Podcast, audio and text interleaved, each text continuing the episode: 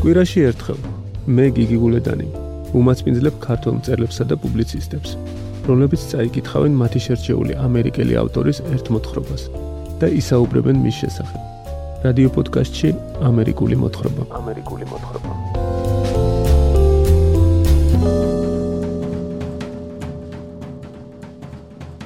დღეს ამერიკული მოთხრობის მე-7 ეპიზოდში თქვენ მოისმენთ ედგარ პოს მოთხრობას კასრი ამონტიადო. რომელიც ქართულად გამოქვეყნდა 1988 წელს მერანის გამოცემულ ედგარ პოს მოთხრობების კრებულში. მოთხრობის თარგმანი ეკუთვნის ზაურ კილაძეს. მასე იყოს უთხარი და ნიჩაბი ისევ ლაბადაში დაუმალე. კვლავ შევაშველე ხელი. თელი ძალით დამეყრდნო. განვაგრძეთ ჩვენი სავალი, რომელსაც ამონტიადომდე უნდა მივეყვანეთ. რამდენიმე დაბალი თაღი გავიარეთ. კიბეზე დავეშვით.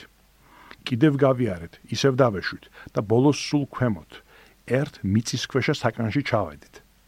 ჰაერი აქ იმდენად დახუთული იყო, რომ ჩვენი ჩირაღდნები კი არანათებდნენ, უკვე ბჟუტავდნენ. დღევანდელი ეპიზოდისთვის ეს მოთხრობა შეარჩია ფილოსოფოსმა გიგა ზედანიამ. გამარჯობა გიგა. გამარჯობა. კასრი ამონტიადო ედგარ პოს ერთ-ერთი პოპულარული მოთხრობაა. როგორც ვიცი, შენთვისაც შენს გამორჩეულად მოგწონს. და სანამ უშუალოდ სიუჟეტზე გადავალთ, ორი სიტყვით თუ შეგიძლია, განმარტოთ რითია ეს მოთხრობა ღირს შესანიშნავი. ის არა უბრალოდ ერთ-ერთი პოპულარული მოთხრობა, არამედ არიან ლიტერატურაცოდნეები, რომლის თვლიან, რომ ის არის საუკეთესო მოთხრობა პოსტმოთხრობების შორის, არის საუკეთესო ამერიკული მოთხრობა და მეტიც აქვს წაკითხული ადამიანების აზრი, რომლებიც თვლიან, რომ ეს არის საუკეთესო მოკლე მოთხრობა სოფლიო ლიტერატურის ისტორიაში. აა დასაკვირველია ეს არის ნიშნავს იმას, რომ აუცილებლად დავეთანხმოთ, მაგრამ ის რომ რაღაც კომპეტენტური ადამიანები გამოჩნდნენ და ამის მტკიცება მოუნდათ უკვე რაღაცას ნიშნავს, ხო? ედგარ პო არის სრულიად გამოუგნებელი ფიგურა, მოგეხსენებათ. არც თვითონ და არც ეს მოთხრობა არ გაჩენილა უდაბნოში, ლიტერატურულ უდაბნოში, ხო? სინამდვილეში 1830-იანი, 40-იანი, 50-იანი წლები არის ეპოქა, იწყება ამერიკული რენესანსი. ეს ამერიკული რენესანსი ოღონდ მასაკურული არ გულისხმობს რაღაც ამერიკულის აღორძინებას, იმიტომ რომ მანამდე არაფერი არ იყო. ხო? ანუ ყოველ შემთხვევაში ასეთი ძლიერი ლიტერატურული პროცესი ნამდვილად არ ყოფილა, არამედ გულისხმობს ამერიკაში დაბადებას მაღალი კულტურისა. და მართლაც ეს არის გამოუგნებელი ინტენსიობა ამდენიმე წლის განმავლობაში თავიანთ ნაწარმოებებს აქვეყნებენ ემერსონი, ტორო, ვიტმენი, მელვილი, ხოტორნი და ცოტა მოგვიანებით აი ამ ხუთეულს დაამატეს ლიტერატურაცოდნეება პო და დიკინსონი. ეს სრულად სამართლიანი ორივე სრულად გამორჩეული ბრწყინვალე ავტორია. ახლა ძალიან საინტერესოა რომ იმ დროს არსებობს ოფიციალური პოეზია და ოფიციალური კულტურაც, ხო მაგალითად იმ დროისათვის ყველაზე პოპულარული პოეტია ლონგფელო. ეს ლონგფელო ქართველი მკითხველისათვის ნაცნობია, იმიტომ რომ მისი ნაწარმოები თარგმნილი უთარჭილაძემ თავის დროზე, ხო? მაგრამ გავა დრო და აღმოჩნდება, რომ ლონგფელოს თითქმის არავინ აღარ წაიკითხავს და ცენტრალურ ფიგურებად მოგვევლინებიან აი ეს ამერიკული რენესანსის წარმოდგენა, მათ შორის პო, რომელიც იყო ძალიან მნიშვნელოვანი კრიტიკოსიც და ძალიან რადიკალურად აკრიტიკებდა ლონგფელოსაც. ხო? ბევრად უფრო ნაკლებად წარმატებული ლონგფელო იყო ძალიან დიდარი შეძლებული პროფესორი და ამ დროს პო რომელიც ლამის შიმშილობდა და ძალიან უჭირდა და საბოლოო ჯამში ძალიან ახალგაზრდამ დაასრულა ცხოვრება. ხო 40 წლის იყო როცა გარდაიცვალა. თითქმის მარტომ შექმნა მთელი ჟანრები სოფლიო ლიტერატურაში. ყველა ვიცით ანალიტიკური დეტექტივი მაგალითად პოსტში ქმნილია ხო? მეტიც აი თანამედროვე მაყურებელი მკითხველზე ვაფს არ ვიცი მაყურებელი რომ ფილმებს და სერიალებს გადაავლებს თვალს რომ დააკვირდეს ხო?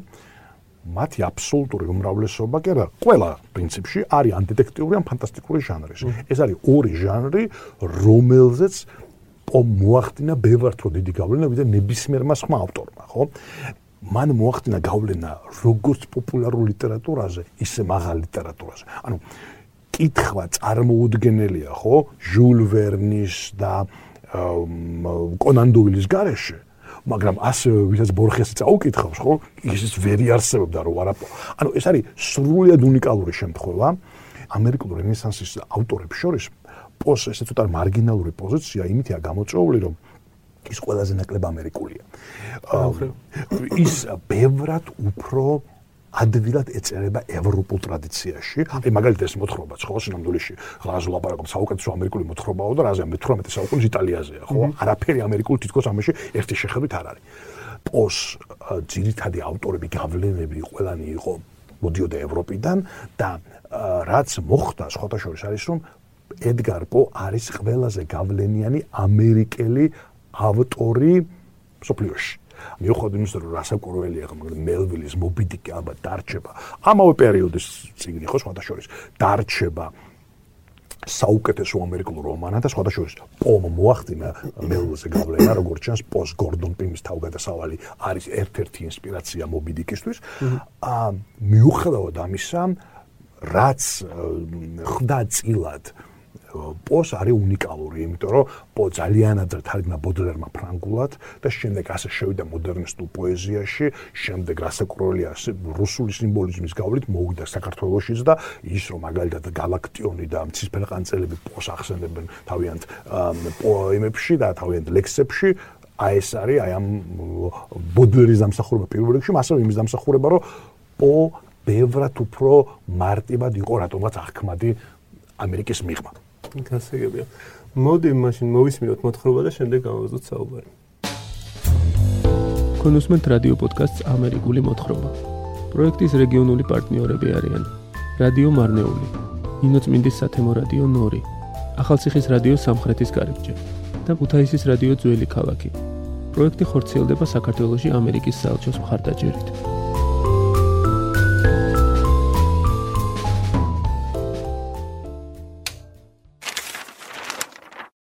ამონტიადოს კასრი. ედგარ ალან პო. ათასგზის მაწყენინა ფორტუნატომ და სულ მოუთმინე. მაგრამ შეურაცხყოფა რომ გამიბედა დავიფიცე აღარ შევარჩენ მეთქი. თქვენმე კარგად მიცნობთ. და თქმა არ უნდა არც კი იფიქრებდით წამოროშავდაო ამას. საბოლოოდ შური უნდა მეძია. ეს ცხადი იყო ჩემთვის მაგრამ სწორედ ამ გადაწყვეტილების სიმტკიცე მაფიქრებინა სიფრთხილე მართებს მეთქი უნდა დამესაჯა ის კაცი, მაგრამ თავად უნდა გადავრჩენილიყავი სასჯელს. რაღაა ის შურისძიება, თუ შურისმაძიებელს აზღვევინებენ?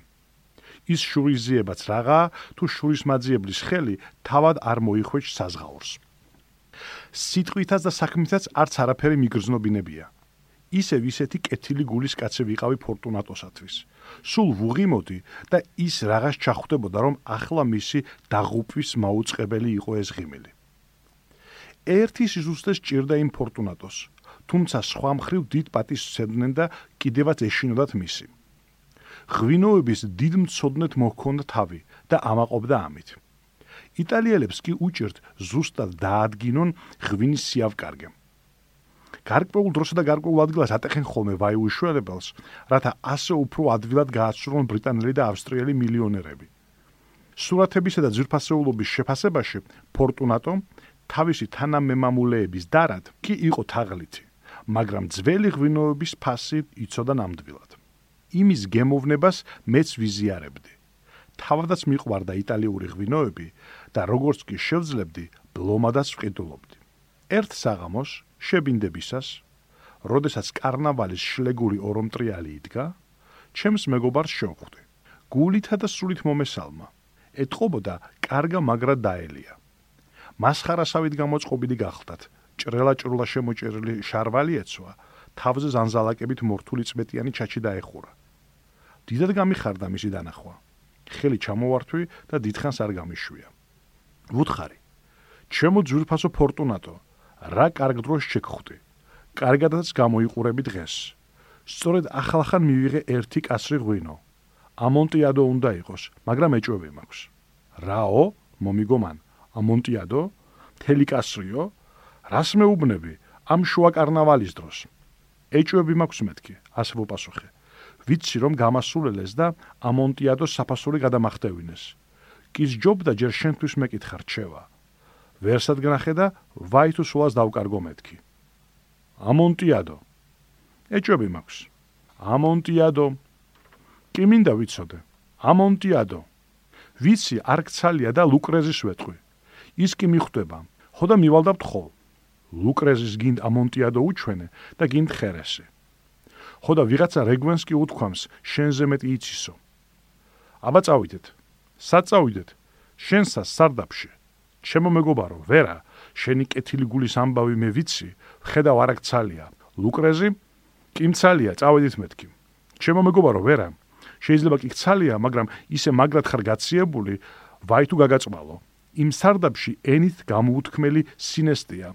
გვარჯილა, გვარჯილა გაჟდომია იქ ყველაფერს. წავიდეთ მეთქი, არაუშავს. რის გაციებული, რა გაციებული? ამონტიადო, მოუთხოვეები ხართ. ის ლუკრეზ რას გაარჩევს? ხერესია თუ ამონტიადო? მითხრა ეს ფორტუნატომ და მკლავზე წამეტანა. შავი აბრეშუმის ნიღაბი გავიკეთე და კიდევ უფრო გავეხვიე მოსასხამში. იმის ნებას დავყევი და საჩქაროდ მივედით ჩემს პალაცოში. მსახურთაგან არავინ დამხვედრია შენ. რას გააჩერებით იმ საზეიმო ხანს? სამხიარულოდ გაპარულიყო სუყველა. ნათქვამიც მქონდა, რომ აღარ დაუბრუნდებოდი და ისის დაუბარე, სახლიდან ფეხი არ მოიცვალოთ მეთქი.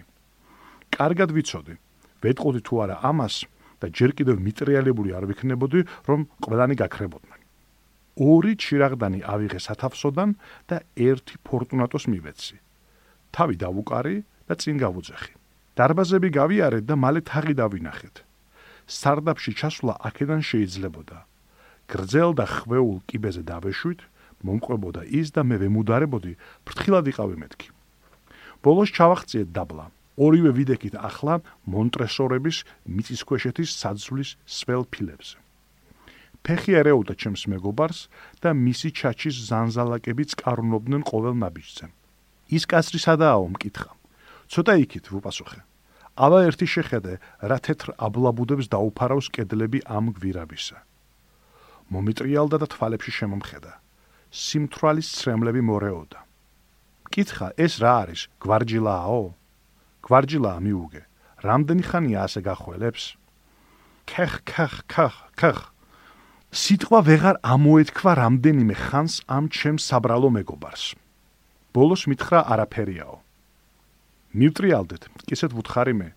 სჯობს უკან დავბრუნდეთ, უპირველეს ყოვლისა შენი ჯამრთელობაა. დიდარი კაცი ხარ, პატივცემული, სახელოვანი, კიდევაც უყვარ ხართ, ბედნიერიც ხართ. მასეთი მეც ვიყავი ერთ დროს. ვაი თუ შენ რამე მოგივიდეს, ჯანდაბას ჩემი თავი. უნდა დავბრუნდეთ მეთქი. ავად გახტები და ჩემი ბრალი იქნება. ხოდა ლუკრეზი, კმარა, მომიკო. ხველის მე არ მეშინია, არ მომკლავს. ხველისგან მე არ მოუკვდები. სწორია, სწორია, ასე ვუთხარი. მართლაც და შენი ტყუილად უბრალო შეშფოთება მეც არ მინდოდა. მაგრამ კი გუმართებს სიფრთხილე. ერთი ეს მედოკი გადაუკრათ და სინესტე ვერას დაგვაკლებს. ხავსმოდებული გრძელი თაროდან ერთი ბოთლი გადამოვიღე და თავი მოვამტვრიე. დავლიოთ მეთქი და ღვინო მივაწოდე. სპიერად გამიღიმა და პირთან მიიტანა ბოთლი. ერთხანს შეიცადა და გულაგდებით თავი დამიკრა. ზანზალაკებმა წყარონი გაიღო ამ დროს. აქაურ განსვენებელთა ხსოვნისა იყოს. თქვა მან. შენი დღეგრძელობისა იყოს. ხელი მომკიდა მკლავზე და გზა განბაგრძეთ. ხოდა ეს საძვლე, ასე მითხრა, რა დიდია. მონტრესორები მიუგემე, ძირძველი და მორჭული გვარია. თქვენი გერბი არ მახსოვს. ვეებერთელა ფეხს კაცისას ლაჟვარდის ფერველზე მოუსრავს გველი, რომელიც ქუსლს უგესლავს. დევიზი კი რაღა? ნემო მე იმპუნელა ცესით. ვერავინ შეურაწმყოფს დაუსჯელად. კარგიო მითხრა. თვალები გაბრწყინებოდა ღვინისაგან, წკარუნობდნენ ზანზალაკები. მედოკისაგან წამონთებული მეც ვიყავი. ჩონჩხებით სავსე დერეფნები გავიარეთ. მცირე და დიდი კასრებია ლაგა ამ მიწის ქვეშეთის უშორეს სამალავებში. კლავ შევჩერდი და ამჯერად გაუბედე და ფორტუნატოს მაჯის ზემოთ წავავლე ხელი. გვარჯილავ თქვი მე. შეხედე, სულ უფრო მატულობს. ხავსი ჩამოფენია ამ სარდაფებს. სწორედ მდინარის ქვემოთ ვართ ახლა. წვეთები მოჟონავს და ამ ჩონჩხებს ეცემა. წავიდეთ, დაუბრუნდეთ, სანამ გვიან არ არის. გახველებს და არაფერიაო, ასე მომიგო. ნუღარ შევჩერდებით, მაგრამ ერთ კლუბ მედოგზე არ ვიტყოდი უარს. დეგრავის ბოთლს თავი მოვამტრუე და მივაწოდე. სულ მოუთქმნად გამოსალა. თლად თვალება ბრიალებული იდგა და გაიცინა. ბოთლი მაღლა აისროლა. რაღაც ჟესტი გააკეთა ამ დროს. რა უნდა და ვერ მივხვდი. გაუცებულმა შევხედე. ისევ გამოიმეორა ის აზმოკლებული მოძრაობა. არ გესმის მკითხა მან. რა მეთქი? უპასუხე. მაშინ შენ იმ ძმობაში არ ყოფილხარ. რაო? ქვის მთელთა ძმობაში. ვარ, ვარ, ასე ვუთხარი, ვარ მეთქი. შენ რას მეუბნები? ქვის მთელთა ძმობაში? ხო, ვეუბნები. ნიშანი კი? ნიშანი რა? აბა შეხედე, უპასუხე მე და ჩემი მოსასხამი გავიხსენი. ნიჩავი ვუჩვენე. რას ხუმრობ? შეხვირა და რამდენიმე ნაბიჯი დაიხია. წავიდეთ და ის ამონტიადო ვნახოთ. მასე იყოს ვუთხარი და ნიჩაბი ისევ ლაბადაში დაუმალე. კლავ შევაშველე ხელი. თელი ძალით დამეყრდნო. განვაგრძეთ ჩვენი სავალი, რომელსაც ამონტიადომდე უნდა მივეყვანეთ. რამდენიმე დაბალი თაღი გავიარეთ. კიბეზე დავეშვით. კიდევ გავიარეთ, ისევ დავეშვით და ბოლოს სულ ქვემოთ ერთ მიწისქვეშა საკანში ჩავედით. ჰაერი აქ იმდენად დახუთული იყო, რომ ჩვენი ჩირაღდნები კი არანათებდნენ, უკვე ბჟუტავდნენ. ამ საკნის უშორეს კუნჭულში რაღაც გასასვლელი ჩანდა. უფრო მომცრო სამყოფი უნდა ყოფილიყო იქ. თელი კედლის გასწვრივ ყველგან ადამიანის ძვლები ეყარა. ვეებერთალა პარიზული მიწისქვეშეთის მსგავსად. სამი კედელი ამ საკნისამ ამდაგვარად იყო გაწყობილი, ხოლო მეოთხესთან ძვლები ძილს ჩამოეყარათ და ასე დაეხვავებინათ მიწაზე. ის კედელი თავისუფალი იყო ძვლებისაგან და შიგნით სხვა საკანი თუ ნიშა ჩანდა. 4 ფუტის სიღრმისა და 3 ფუტის სიგანის. სიმაღლე 7 თუ 8 იქნებოდა. რამე განსაკუთრებული მიზნისათვის არ უნდა ყოფილიყო გაკეთებული ეს ნიშა. ამ მიწის ქვეშეთის თაღის გასამაგრებლად ორი უზარმაზარი ბოძი იდგა და ამიტომ ჩანდა ის ადგილი ჩაღრმავებული. იქით ბოლოში ვეებერთელა გრანიტის კედელს დაინახავდით. თავისი ჩაფშუკული ჩირაღდანი აღემართა ფორტუნატოს და ამაო ცდილობდა იმ ნიშის სიღრმეში შეხედვას. რაღა უნდა გამოჩენილიყო ამ შუქზე. შედი, უთხარი მე. ამონტიადო იქ არის. ხო და იმ ლუკრეზის, იმან არიცის. შემაწყვეტინა ჩემმა მეგობარმა და შებარბაცდა შიგნით. მაშინვე უკან მივყევი. ნიშის ბოლოს მიატანა და კლდოვანი რომ გადაეღობა, შედგა გამოლენჩებული. წამიც და იქვე მივაჯაჭვე ტინის კედელზე. ორი რგოლი იყო მიმაგრებული იქ ერთ სიმაღლეზე. ორი ფუტი დაცილებოდნენ ერთმანეთს. ერთზე მოკლე ჯაჭვი მიაბად, მეორეზე საკეტი. წელზე შემოვახვიე ის ჯაჭვი და იმ წუთასვე ჩავკეტე. გაუგნებულს თითიც კი არ გაუნძრევია. გასაღები გამოვაძრე, უკან მივდექი და ნიშიდან გამოვედი. ხელი გაავლე იმ კედელს, ასე ვუთხარი. უსათუოდ იგრძნობ იმ გვარჯილას. მართლაც და კი არის ნესტიანი იქაურობა. კიდევ ერთხელ გემუდარები, დავბრუნდეთ. არა, მაშინ რაღა უნდა ვქნა, უნდა დაქტოვო. მაგრამ ჯერ ნება მიბოძე, კიდევ ერთი პატარა სამსახური გაგიწიო. ამონტიადო, შეხვირა ჩემმა მეგობარმა. ჭკუაზე ვეღარ მოვიდა, ისე იყო განსვიფრებული. დიახ, ამონტიადო. უთხარი ეს და იმ ძვლების გროვას მივადექი, ადრე რომ ვახსენე. მივყარ მოვყარე და მალე გამოჩნდა ბევრი გათლილი ქვა და კირი. ხოდა ამ მასალისა და იმ ჩემი ნიჩბის მეშვეობით საჩქარო დავიწყე კედლის ამოშენება. პირველი რიგი გავაწყე თუ არა ამ ქვებისა, მივხვდი, კარგად გამონელებოდა უკვე ფორტუნატოს ღვინო. სულ პირველად ეს ამბავი მამცნო ჩუმმა კნესამ, სამალავის შიგნიდან რომ მოისმა.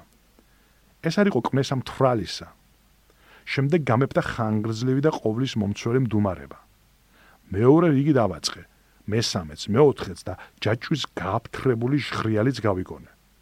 რამდენიმე წუთს გაგრძელდა ეს ხმაური და უფრო კარგად რომ დამტკბარიყავი, მუშაობა შევწყვიტე და იმ ძლებზე ჩამოვჯექი. ბოლოს მიწყდა ის ჟღარუნი, ისე ვავიღე ნიჩაბი და აღარაფერს შეუშლია ხელი მეხუთე, მეექვსე და მეშვიდე რიგის აგება დამესრულებინა. სადაცაა უკვე ჩემს მკერდამდე მოვიდოდა ის კედელი. კლავ შევჩერდი. ჩირაღდანი აღუმართე და მკრქალი ნათელი მოეფინა იმის სხეულს. გულის გამხეთი ღრიალი აღმოხდა უცებ იმ მიჯაჭულ კაცს. ღრიალებდა და ღრიალებდა. თითქოს ამან უკან გამისროლა კიდეც. წამით ჭუჭმანი დავიწყე. ავკანკალდი, დაშნა დავაძრე და ნიშაში შევყავი. ერთი ავიქნიე და დავიქნიე. გონს მოვედი მაშინვე. იმ მიწის ქვეშეთის ზღუდეთა სისქე ხელით გავსინჯე და კმაყოფილი დავრჩი.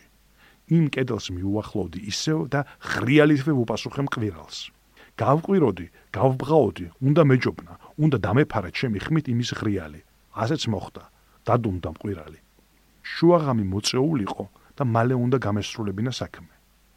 მერვე, მეცხრე და მეათე რიგიც აღუმართე. მე-11-ს დამთავრდებოდა სადაცაა.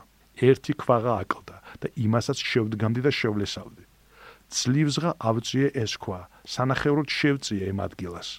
ნიშიდან უცებ ხითხითი მოისმა და თმები ყალღზე დამიდგა.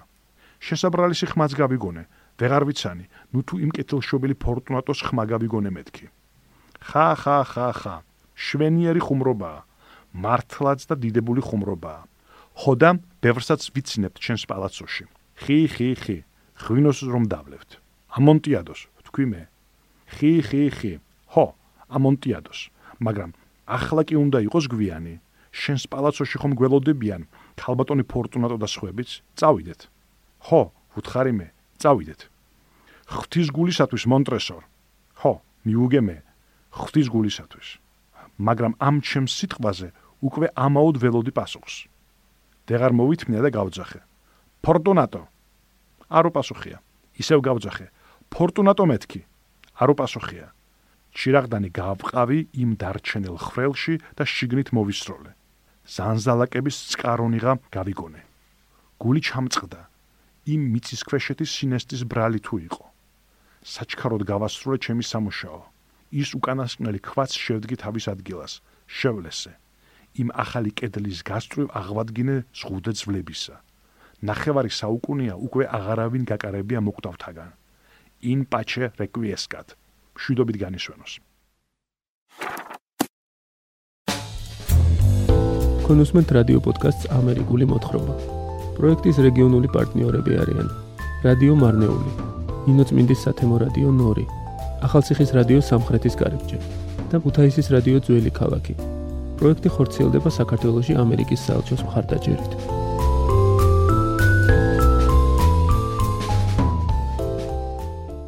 თქვენ უსმენთ ედგარ პოს მოთხრობას კასრი ამონტიადო, რომელიც თარგმნა ზაურ კილაძემ და წაიკითხა ფილოსოფოსმა გიგა ზედანიამ. გიგა მისტერიებსა და ჰორორებში, დეტექტივებში, როგორც წესი, მთავარი კითხვა არის ხოლმე ვინ? და აქ მთავარი კითხვა არის რატომ? როგორ ფიქრობ, რა შეიძლება იყოს მოტივი იმისა, რასაც ფორტუნატოს მოსაკლავად აკეთებს მოტოსორი. პოს გენიალობა იმაშია, რომ მოტივი არ ვიცით. მოტივი არის უცნობი, არიან კრიტიკოსები, რომლებიც ცდილობენ ამ მოტივის გამოცნობას, მაგრამ ეს ცოტა საცლო მგონია, იმიტომ რომ ძალიან ნათელია, რომ სპეციალურად სულ გამიზნოთ არის ცარიელი დატოვებული ეს ადგილი. უნდა გავიხსენოთ ჩვენ რომ პო არ იყო მხოლოდ მწერალი, ის იყო თეორეტიკოსიც და მათ შორის იყო მოთხრობის და აი ამ მოკლე მოთხრობის short stories საუკეთესო თეორეტიკოსი, ხო? ანუ მან ზუსტად იცის ასაკეთებს იქ. არ უნდა გვეგონოს რომ რაღაც აქვს შემთხვევითი, ამას აქ აღწერილი ეს პროცესი. ხო, ეს მაგაზე გამოსცემდა ერთ-ერთ ესეში, რომელიც მე მგონი იმ პერიოდში დაწერა, ერქვა კომპოზიციის ფილოსოფია იქ აქვს ნახსენები რომ ჩემთან არც ერთი დეტალი არ არის შემთხვევით მოხვედრილი. და ეს იყო პასუხი იმაზე რომ ზოგი კრიტიკოსი ამ მოტრესორის შეშლილობას მიაწერდა ამ საქციელს. იქ იმდენი დეტალი არის ამ მოთხრობაში ჩადებული რაც გამორიცხავს შეშლილობას. ეს ძალიან რთული საკითხია და რატო არის ძალიან რთული საკითხი? იმიტომ რომ თვითონ მოთხრობა არის ერთ-ერთი ნაწარმოების სერიაში. თორე ჩვენ ვიცით სხვა მოთხრობების სერია, სადაც ჩვენ გვყავს ასეთივე პერვერტი ნარატორი. ეს არის შავი კატა, ეს იქნება მამხილებელი გული ან გამთქმელი გული. ეს იქნება უილიამ უილსონი და ასე შემდეგ. სერია და რასაკვირველია ეს მოთხრობები ერთმანეთთან განსხვავდებიან და იდენტური არ არის. მაგრამ თხრობელი, რომელიც არის პარანოიდალური, ხო, სუბიექტი, მაგრამ ამავე დროს რაციონალური თავის მოქმედებებში, რომ მე ვიტყოდი ესე, რომ მას აქვს არარაციონალური მიზანი და რაციონალური საშუალებები, ხო? ანუ ეს არის, რომ ვერ გაიგებ რის გამო აკეთებს, მაგრამ რას აკეთებს ის მე ძალიან რაციონალურად არის. აი ეს მხოლოდ ამ მოთხრობისთვის არ არის დამახასიათებელი. აა რასაკვირველია ეს მოთხრობა არის გამორჩეული თავისი ირონიულობით და ეს ირონია ერთი მხრივ თხრობელის ირონია, მაგრამ მეორე მხრივ არის ირონია, რომელიც თხრობელსა და პერსონაჟების მიღმაც არის. ხო, რასაც ჩვენ ხედავთ და თვითონ ისინიც კი ვერ ხედავენ. ეს ძალიან მნიშვნელოვანი ამბავი მგონია და ეს არის რასაკვირველია მოთხრობა გამოცანა. რას გულისხმობ, როცა ამბობ, რასაც ჩვენ ხედავთ და ისე აი მაგალითად სცენა, რომელშიც მასონების ლოჟის მიკუთვნებელობა ხო ნაჩვენები. ფორტუნატო იცის რომ მასონების წევრია და აკეთებს ჟესტს. მონტრესორმა არის ეს ჟესტი, მაგრამ აჩვენებს ნიჩაპს. ვინ ხვდება ორივეს? ასაკურემ კითხველი ხდება მხოლოდ და მხოლოდ, ხო?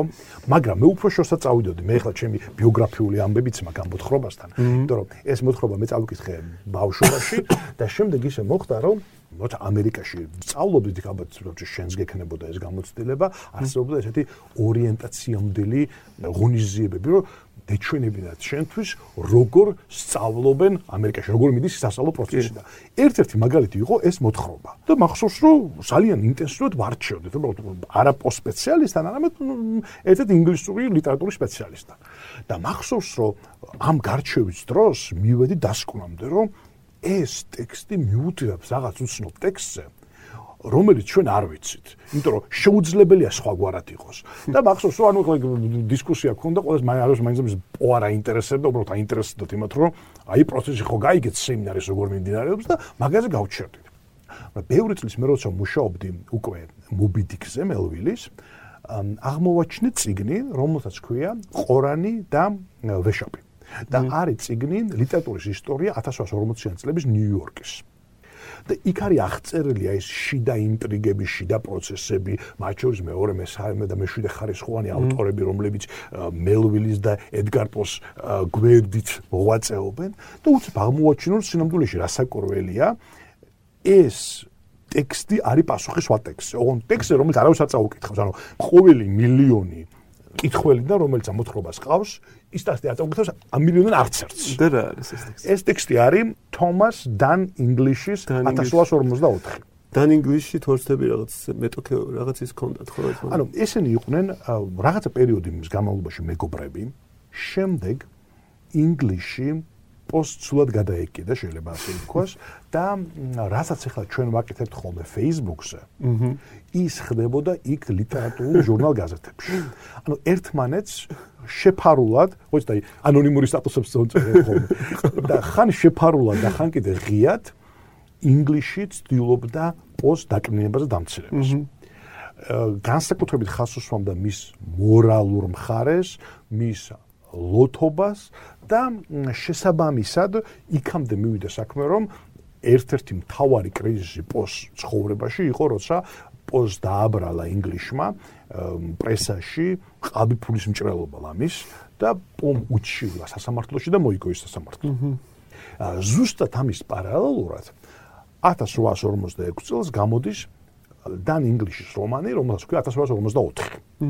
სამას გვერდიანი მეშვიდე ხარისხოვანი ლიტერატურა რა, აი გოთიკურ მელოდრამატული საიდუმლო ორგანიზაციები, პოლიტიკური კორუფცია, ბოროტმოქმედები, რომლებიც ერთმანეთს ცოლებს ართმევენ და კლავენ და შვილებს შეუცდენენ და აუპატიურებენ. მოკლედ აი ფელი აი თანამედროვე ყველაზე დაბალ ხარისხიანი pulp fiction რაც არსებობს ხო? და თუჯი ძალიან საინტერესო გრაფი არ შეცვლა ხო? 1840-იან წლებიდან დღემდე 500 წელი გავიდა მაგრამ სიუჟეტები არ დაიგივე ზუსტად ესეთი რომანია. და რომანის ერთ-ერთი მთავარი თემა არის შურისძიება. აჰა და არსებობს თეორია რომლის მიხედვითაც პომ როცა დაწერა ეს მოთხრობა სინამდვილეში ამ მოთხრობაში საკუთარ თავსა და ამ თომას დან ინგლისში გულისხმობდა. და შესაბამისად ის ფორტუნატო არის თომას დან ინგლისში და თვითონ არის მონტრესორი, რომელიც დიდი ხანი ინახავს აი ამ წენას. ასე კუროლე ეს არის სრულად სრულადური თეორია და არ არის ასე, მაგრამ ეს არ ნიშნავს, რომ ეს მოთხრობა არ არის პასუხი იმ რომანზე. პასუხი არის. იმიტომ რომ ჩემი აზრით პო აკეთებს სრულიად გენიალურ რაღაცას, მათ შორის არა მარტო ესთეტიკურად, არამედ მორალურადაც. როგორ უნდა უპასუხო ასეთი ტიპის შეურაცხყოფას და რაღაცა ყველაზე დაბალი ხარისხის, ყველაზე ბინძურ დაბრალებას, სილის წამებს, რა უნდა ქნა მაგდროს? ხო, არსებობს ეს კარგი გამოთქმა, რომ ღორს უნდაო, რომ მასავით ტალახში ჩაეფლო და მე რიკაგზნობს თავს, ხო? რას აკეთებს ედგარ პო? გამოვწდა მეხსენებინა რომ გარდა იმ ძალიან ბევრი ცილისწამებისა და კრიტიკისა პრესაში და ინგლისში აი ამ რომანში პო არის გამოყვანილი როგორც პაროდიული პერსონაჟი და არის დაცინვა, პიროვნული შეტევა, ცილისწამება და ასე შემდეგ. რას აკეთებს ამ დროს ედგარ პო? ედგარ პო იღებს ყველა იმ თემას, რომელიც ამ რომანშია და წერს შეუდარებლად უფრო კარგი მოთხრობა. ეს არის მისი შურიზება. ნუ მისი შურიზება ის კი არ არის რომ ის ამეს აბრალებს ინგლიშ, ან კიდევ მისი პიროვნული რაღაცა თვისებები გამოყავს და დასცინის და ასე შემდეგ, ხო? ის ბევრად უფრო მაღლა დგება. ეს არ ნიშნავს რომ იმას პატიობს. სრულიად არასწორი სტრატეგია იქნებოდა, ხო? როგორ უნდა აპატიო ადამიანს, რომელიც უბრალოდ სუდი ადამიანია და შენთვის ვნება უნდა. არა. ის ლიტერატურის ველზე აკეთებს საოცრებას. აი ამ ძალიან არასასიამოვნო მათ შორის ყოფით კონფლიქტიდან წერს ერთ-ერთ საუკეთესო ნაწარმოებს აჩვენებს რა როგორ უნდა წეროს სინამდვილეში. ყველაზე მკინეულ ადგილში უკეთეს. სავარაუდოდ, იმიტომ რომ რასაკვირველია თქვენ თუ ინგლისის რომანის წაკითხვა მოგინდება, უბრალოდ ვერ წაიკითხავთ, იმიტომ რომ ეს რომანი არ იყიდება, ონლაინაც კი არ არის. არა, უბრალოდ იმდენად უმნიშვნელოა, რომ აინტერესებს მხოლოდ არა უბრალოდ პოსპეციალისტებს, არამედ პოს აი ამ მოთხრობის სპეციალისტებს მეტი არავის არ მანიაკებს.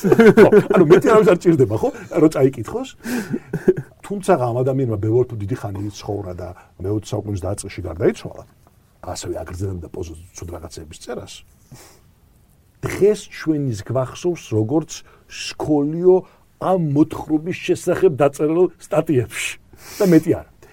რაც გააკეთა პომ, მან აიღო შურიზიების თემა, მან აიღო ეს საიდუმლო საზოგადოებების თემა, მან აიღო ეს ჟესტების თემა. იქ არის სავსე ეს რომანი აი ამ ნესტიანი სარდაფებით. ყველა ეს თემა გაერთიანა, ოღონ 300 გვერდის მაგივრად 5-6 გვერდში დაწერა შედევრი.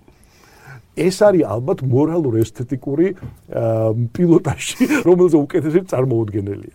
დიდი მადლობა გიგამ. მადლობა რა დაინტერესდა საუბრისთვის. თქვენ უსმენთ რადიო პოდკასტს ამერიკული მოთხრობის მეშვიდე ეპიზოდს. ედგარ პოს მოთხრობა კასრი ამონტიადო ჩვენთვის წაიკითხა ფილოსოფოსმა გიგაზედანიამ.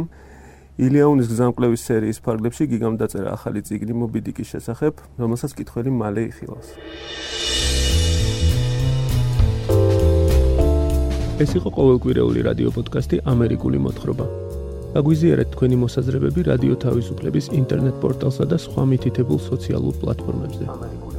მე გიგი გულედანი ვარ.